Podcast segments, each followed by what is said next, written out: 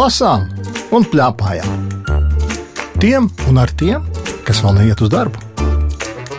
Šeit runā Lauris. Viņam pretī sēž Aleksandrs. Aleksandram 9 gadi. Čau, Aleksandrs. Čau. Divas grāmatas mums Jā. ir par ko parunāt. Neteiksim, ka šīs grāmatas ir ļoti biezas. bet varbūt grāmatām nemaz nav jābūt baigti biezām. Kādas tev patīk, biezās vai plānās? Mm, Kā kura? Daži jau saka, e, man baigi patīk plānās, jo tur var ātri izlasīt. Jā. Tev nav tik svarīgi, vai ir biezi vai plāni. Mm, jā, jo to arī vienīgi var izlasīt vienu lapu vienkārši atcelt vairākām dienām. Un atkal pēc tam lasīt tālāk. Pirmā grāmata, par kuru mēs runāsim, tā ir Kas mammai somā? Tās autore Kristīna Ulberga un zīmējusi Kristiāna Zalmane. Es izlasīšu drusku no aizmugures. Ak, jā, soma! Nu, par to nekas daudz nav sakāms, jo tādas somas ir pilnīgi visām mamām. Un tur dzīvo brīnumi. Pa īstām, tu piekrīti? Mm, varbūt. Tev interesē, kas mammai somā paskatīties. Jā. Vai tu atradi tur kaut kādas lietas, ko tu nevari saprast, kas tas ir? Jā, es varēju saprast vienu loģisku teikumu, kas man nācās tā kā doma, kurš to tā kā nezina. Sākt À, tas ir jau, jau no teksta. Ja? Jā, Nu, tu izlasīsi? Jā, sākt atradīt. Tur baigs smuki, viss ir atzīmēts. Par pudelēm un viņu korķiem. Katrai pudelei ir korķis, saka mamma. Pudelei korķis, es domāju, ir tāpat kā ziemā cepure cilvēkam uz galvas. Tas ir tas, ko tu nevarēji saprast. Ja tā kā, jo vienkārši kurš to nezina? Kurš to nezina? Ja tā kā, Bet varbūt šeit ir par drusku citiem korķiem runa. Palasīšu tālāk šo pašu nodaļu. Māmu, kāpēc pudelēm vajag korķi? Es prasu. Nu, lai neizlīst ārā tas, kas iekšā, viņa atbild. Un tad tas zēns jautā, vai tad cilvēkam arī ir korķis? Jo cilvēkā ir asinis, kas var izlīt. Jā, cilvēkam arī ir korķis, un tas atrodas šeit, saka māma un pieskaras vietai uz krūtīm, kur atrodas sirds. Tu tam nevari piekrist. Mm, Tas ir jocīgi. Ja? jā. Bet varbūt tieši tas arī mums liek aizdomāties par kaut kādām lietām, par Nezinu. to, kas ir sirds un vai tiešām mums ir korķi. Vai nav? Dīvaini. Es tev piekrītu. Es izstāstīšu klausītājiem, par ko mēs vispār runājam. Jo radio klausītāji domā, pagaidi, mēs taču nu, pat par mammu somām runājam. Kāpēc uzreiz par korķiem? Kāds sakars?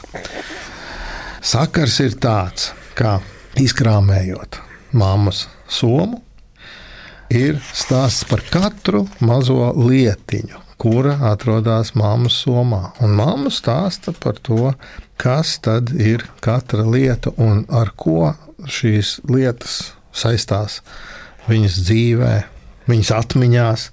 Tie bija interesanti stāsti par katru lietu. Es aizdomājos, ka katrai lietai ir savs stāsts. Mm, varbūt. Bet, nu, redz, te ir, te ir pierādījums tam. Mm, jā. Ko tu esi atzīmējis, ko tu gribētu vēl nolasīt? Es gribu nolasīt, tagad, kā viņi tā domā. Kad es biju pavisam maza, domāju, ka visi putni ir zvirbuļi. Tāpat kā cilvēki ir cilvēki. Un tas arī bija tā, jo pēdējie trīs vārdi tā, nu, tā loģiski. Nu, kā tu taču teiksi, ka tāpat... Nu, jā, bet kādiem vienkārši ra- rakstījies cilvēki ir cilvēki. Jā. Nu, bet to jau to teikumu laikam nevar saprast, ja mēs nelasām tālāk šo stāstu. ne? Un šis ir stāsts par vienu putnu spalvu. Un kā šī putna spalva ir nonākusi mammas somā.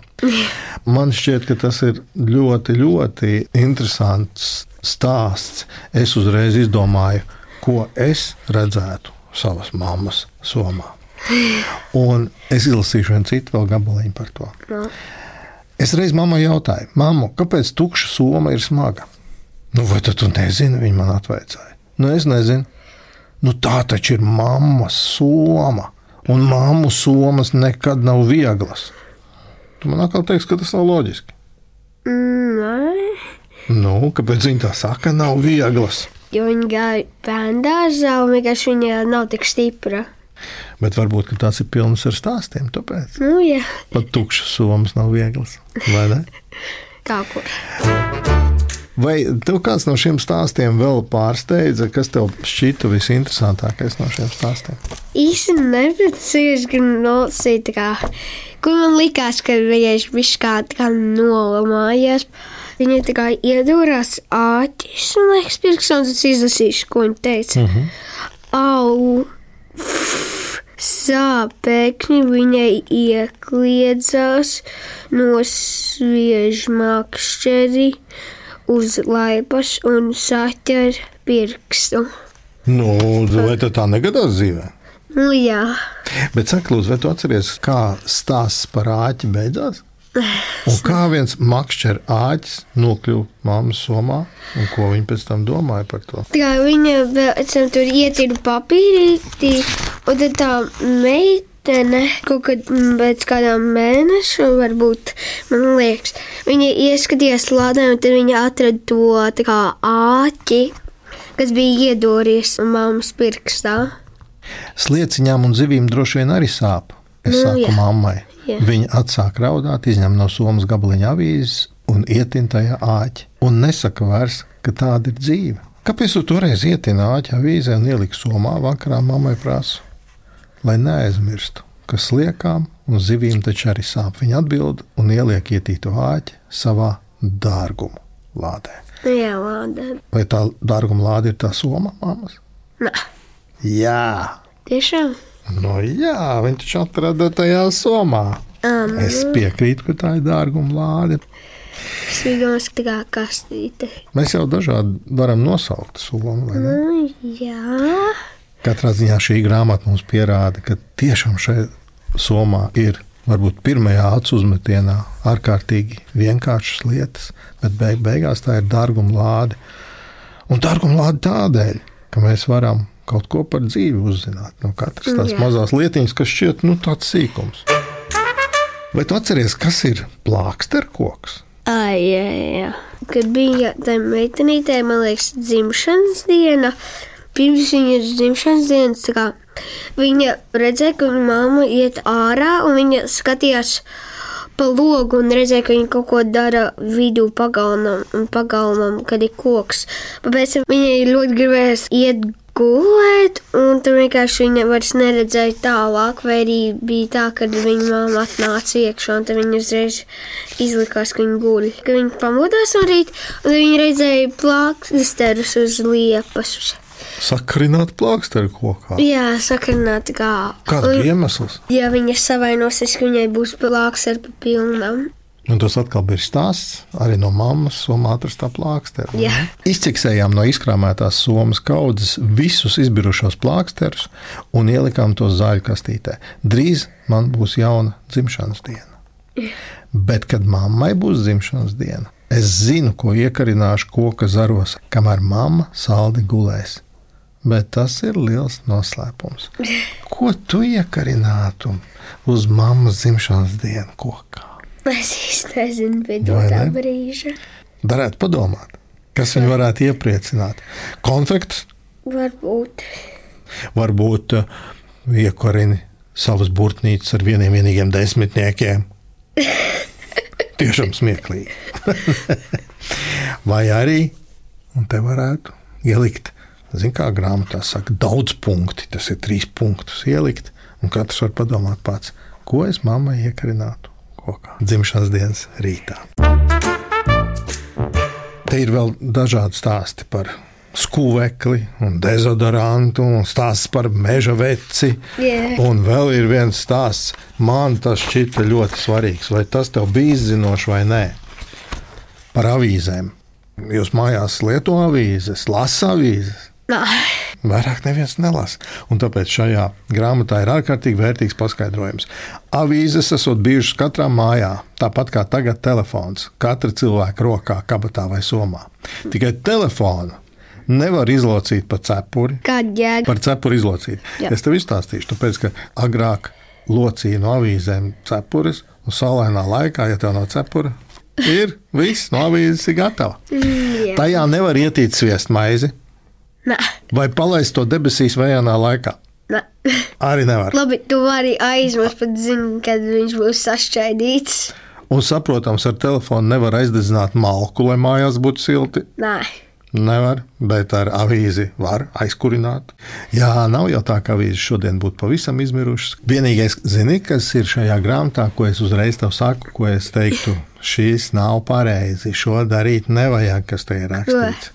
Atceries, tur viņas baroja gulbjus ar maizi. Aizliegts. Nedrīkst. Gulbi ļoti labprāt ēd, bet to nedrīkst darīt. labi, pīles var pat kā Pīles nevar var būt, jā, bet gulbis nē. Viņi nomirst. Tā kā lūdzu šo piemēru no šīs grāmatas neņemt, bet visu pārējo. Man šķiet ļoti vērtīga grāmata, kur var aizdomāties par pavisam mazām un neparastām lietām. Jā.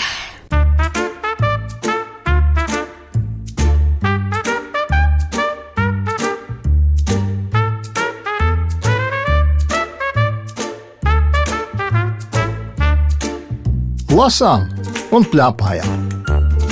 Tiem un ar tiem, kas vēl neiet uz darbu. Mums ar Aleksandru rokā ir otra grāmata. Otra grāmata ir vēl plānāka par iepriekšējo, un tās nosaukums ir Tepat kaimiņos dzīvo meitene. To ir sarakstījusi Ida Mulkara Čurniča. Tā ir slovēņu rakstniece un slovēņu valodā, kā daudzās valodās, kas ir apkārt Slovenijā. Arī slāvu valodās ir ļoti daudz līdzskaņu, kas ir mums grūti izrunājami. Jā. Un šo grāmatu ir zīmējis Pēters Škerls. Saki, lūdzu, tu vari divos vārdos izstāstīt, par ko ir grāmata? Tas par meiteni, kura dzīvo kaimiņos. Jo, kā tev šķiet, šī grāmata ir interesanta? Kaut kā nē, Mm -hmm. jo tur runāja par tādām tēmām, kuras man pat neinteresē. Jā, nu, labi, parunāsim. Es izlasīšu, kas ir rakstīts uz aizmugures vāka šai grāmatai. Tepat kaimiņos dzīvo meitene, kura nav tāda kā mēs. Neviens viņu neaicina ciemos, viņai nav draugu, nav pat pašai savas istabas. Viņai gribētos savtuvināties ar pārējiem, gluži tāpat kā tev vai man. Viņa mācās mūsu skolā, sēž blakus solā, vai gribi viņu iepazīt? Meitenei pieder noslēpamais dārgums. Un tad tur ir tie trīs punkti pieminēti. Tālāk es nelasīšu, kas ir par darbu. Man šī grāmata šķita daudz biezāka nekā tā īstenībā ir. Jo stāsts ir daudz lielāks. Aleksandram šķita, ka nu, nē, nu, nav interesanti. Saka, Lūdzu, Aleksandr, vai klasē, vai kur citur, kur tu ej, vai ir kāda meitene vai zēns, kas visu laiku klusē un par kuru tu neko nezini? Nē, Nav. Nu, varbūt tāpēc tev neinteresē. Ja būtu, tāpat tas tāpēc ir šī grāmata, lai jūs varētu par to padomāt. Jo šeit šī meitene visu laiku klusē, mēs par viņu neko nezinām. Un Jā. tad viņa pazūd. Un šķiet, ka, nu, vai dieviņ, ja jau mēs par viņu neko nezinām, nu, lai viņa pazūd. Un tomēr mēs sākam par to interesēties. Grāmatā ir ļoti interesanti, ka katrā lapā ir cits mēnesis. Pamanīji? Janvāris, Jā. februāris, marts. Kuru mēnesi tu nolasītu? 1. februāra. Tāpat kaimiņos dzīvo meitene, kura nav tik bagāta kā tu vai es. Viņa nedzīvo jaunā mājā vai modernā dzīvoklī, bet tepat blakus ielā, vecā mājā, kas pilna ar dīvainiem cilvēkiem. Nu, ja tu tagad aizdomātos, varbūt tiešām tāda meitene dzīvo kādā netālā mājā. Man liekas, nav pat tādas mājas, kur tā kā, nu, varbūt ir citās valstīs, bet tā kā, kur tā kā, dzīvo vairāki cilvēki kopā. Nu, tāpēc, ka tu dzīvo atsevišķā mājā, vai ne? Jā, Bet, ja tu iziet pat domu laukumā ārā un tu ieraudzītu daudz stāvu mājas, kurās dzīvo, tu taču nezini, kur tā meitene dzīvo, bet varbūt viņa dzīvo. varbūt. Vai ne? Jā. Es nolasīšu drusku no janvāra. Tepat kaimiņos dzīvo meitene, kura nav tik skaista kā tu vai es. Viņa nav blondu cirta, nav skaista kleita, nav rožaina ponija. Neviens viņu nesauc par princesi. Skolas rotaļlaukumā neviens neaicina viņu spēlēties. Varbūt tas nav interesanti, tāpēc, ka tas pa meitenēm.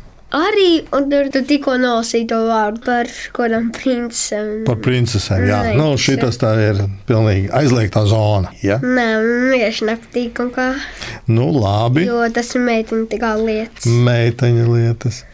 Tepat kaimiņos dzīvo meitene, kurai nav draugu. Tas tāpēc, ka viņa nav tik draudzīga kā tu vai es. Viņu uz skolu nekad neatveda mašīnu, viņa vienmēr atnāk kājām. Tu esi draudzīgs, Kā kur reizi man kaitina, tad, tad tu esi nikns. Jā, bet, protams, Saki, lūdzu, tev atveda mašīnu skolu vai tu ej pats kājām? atved ar mašīnu. Bet ir kāds, kas nāk ar kājām. Kas dzīvo tā kā pāri ielai pretī skolai, Jā, nu, ir drīz tā kā pretī. Viņa ar kājām vai skūteri. Bet varbūt ir kāds, kuram nav mašīnas. Viņš nāk ar kājām. Nezinu. To tu nezini. Bet varbūt ir vērts kādreiz paskatīties. Par to ir šī grāmata lielā mērā. Tepat kaimiņos dzīvo meitene, tas ir mājas jau, bez vārda. Vai tu atceries, kā viņu sauc? Redzi, tu neatceries. Naisa esma. Tas nav svarīgi. Tas taču nav nekāds īsts vārds. Labi, tas ir vārds, bet tas neizklausās skaisti. Ne tā, ka man Emīlija vai Sintija. Tāpēc reizē es to vienkārši nespēju atcerēties, vai arī negribu. Nu, jā, es tiešām to negribu. Es viņu negribu saukt vārdā. Tas neizklausās tik dīvaini. Nē, es tev izlabošu. Tas izklausās tik dīvains. Un redz tos Ā, divus vārdus, jā, tos divus vārdus, kurus tu lasīji, naīsa esma, un arī zīmējumos mēs redzam, tās ir meitenes, kas ir atbraukušas kaut kur no citurienes, un viņas dzīvo tev līdzās. Un tāpēc tiešām var būt, liekas, viņi ir sveši, viņi ir nesaprotami, viņi izskatās savādāk, viņas vārds ir savādāk, un tāpēc mēs viņu neredzam. Varbūt. Vai kopumā tev šķita šī grāmata bēdīga? Kaut kā nē. Ja? Man nē. šķita drusku bēdīga tā grāmata, un te pašā laikā kaut kas tajā bēdīgumā bija tāds, kas man lika domāt par to, kā mēs šeit un tagad dzīvojam. Par oktobri. Mēs atslēdzām skolas skāpīti, tad, kad meitene jau bija aizbraukusi prom. Un atradām mapu ar zīmējumiem. Pareizāk, meitene bija vienkārši pazudusi, jo neviens nezināja, vai viņa ir aizbraukusi Nu, vai kā. Ne tādiem, kādus mēs zīmējam mākslas stundās, pavisam citādiem, daudz skaistākiem. Mēs bijām pārsteigti. Pirmajā viņa bija uzzīmējusi sevi kā princesi. Un, ja nu viņa īstenībā bija princese, un ko tad tu, Aleksandra, teiktu? Tu bieži vien aug. Vai, jā, nu, nezinu, nezinu. Un mēs to nezinājām. Varbūt viņa tikai izlikās par parastu meiteni. Hmm. Citā zīmējumā redzam divu stāvu gultu, melns trusis un zēns, kas laiž papīra lidmašīnu, un viņas mamma, kas laist puķis, un pāri visai istabai stiepjas varavīksne. Un šie ir ļoti skaisti zīmējumi, kas pārsteidz visus pārējos bērnus, kas ar viņu ir mācījušies kopā. Un laikam viņi sāk domāt, ah, vajadzēja taču parunāt tomēr ar to meiteni, kurai nebija vārda, kuru viņi nesaprata un negribēja. Par to ir šī grāmata. Kā tev patīk šie zīmējumi grāmatā? Kā nē. Nu, atkal mūsu gaumes ar Aleksandru nesakrīt. Es, Aleksandra, tev teikšu, man ļoti patika. Jā, man šī grāmata lika padomāt par to, vai pasaulē ir kas neredzams, vai vienkārši mēs paši neredzam. Ar Aleksandru runājās Lauris Gundars, raidījuma redaktore Agita Bērziņa, skaņu režisori Valdis Raitums un Nora Mitspapa. Raidījumu vēlreiz klausies Latvijas radio lietotnē, mājaslapā un arhīvā. Tiekamies!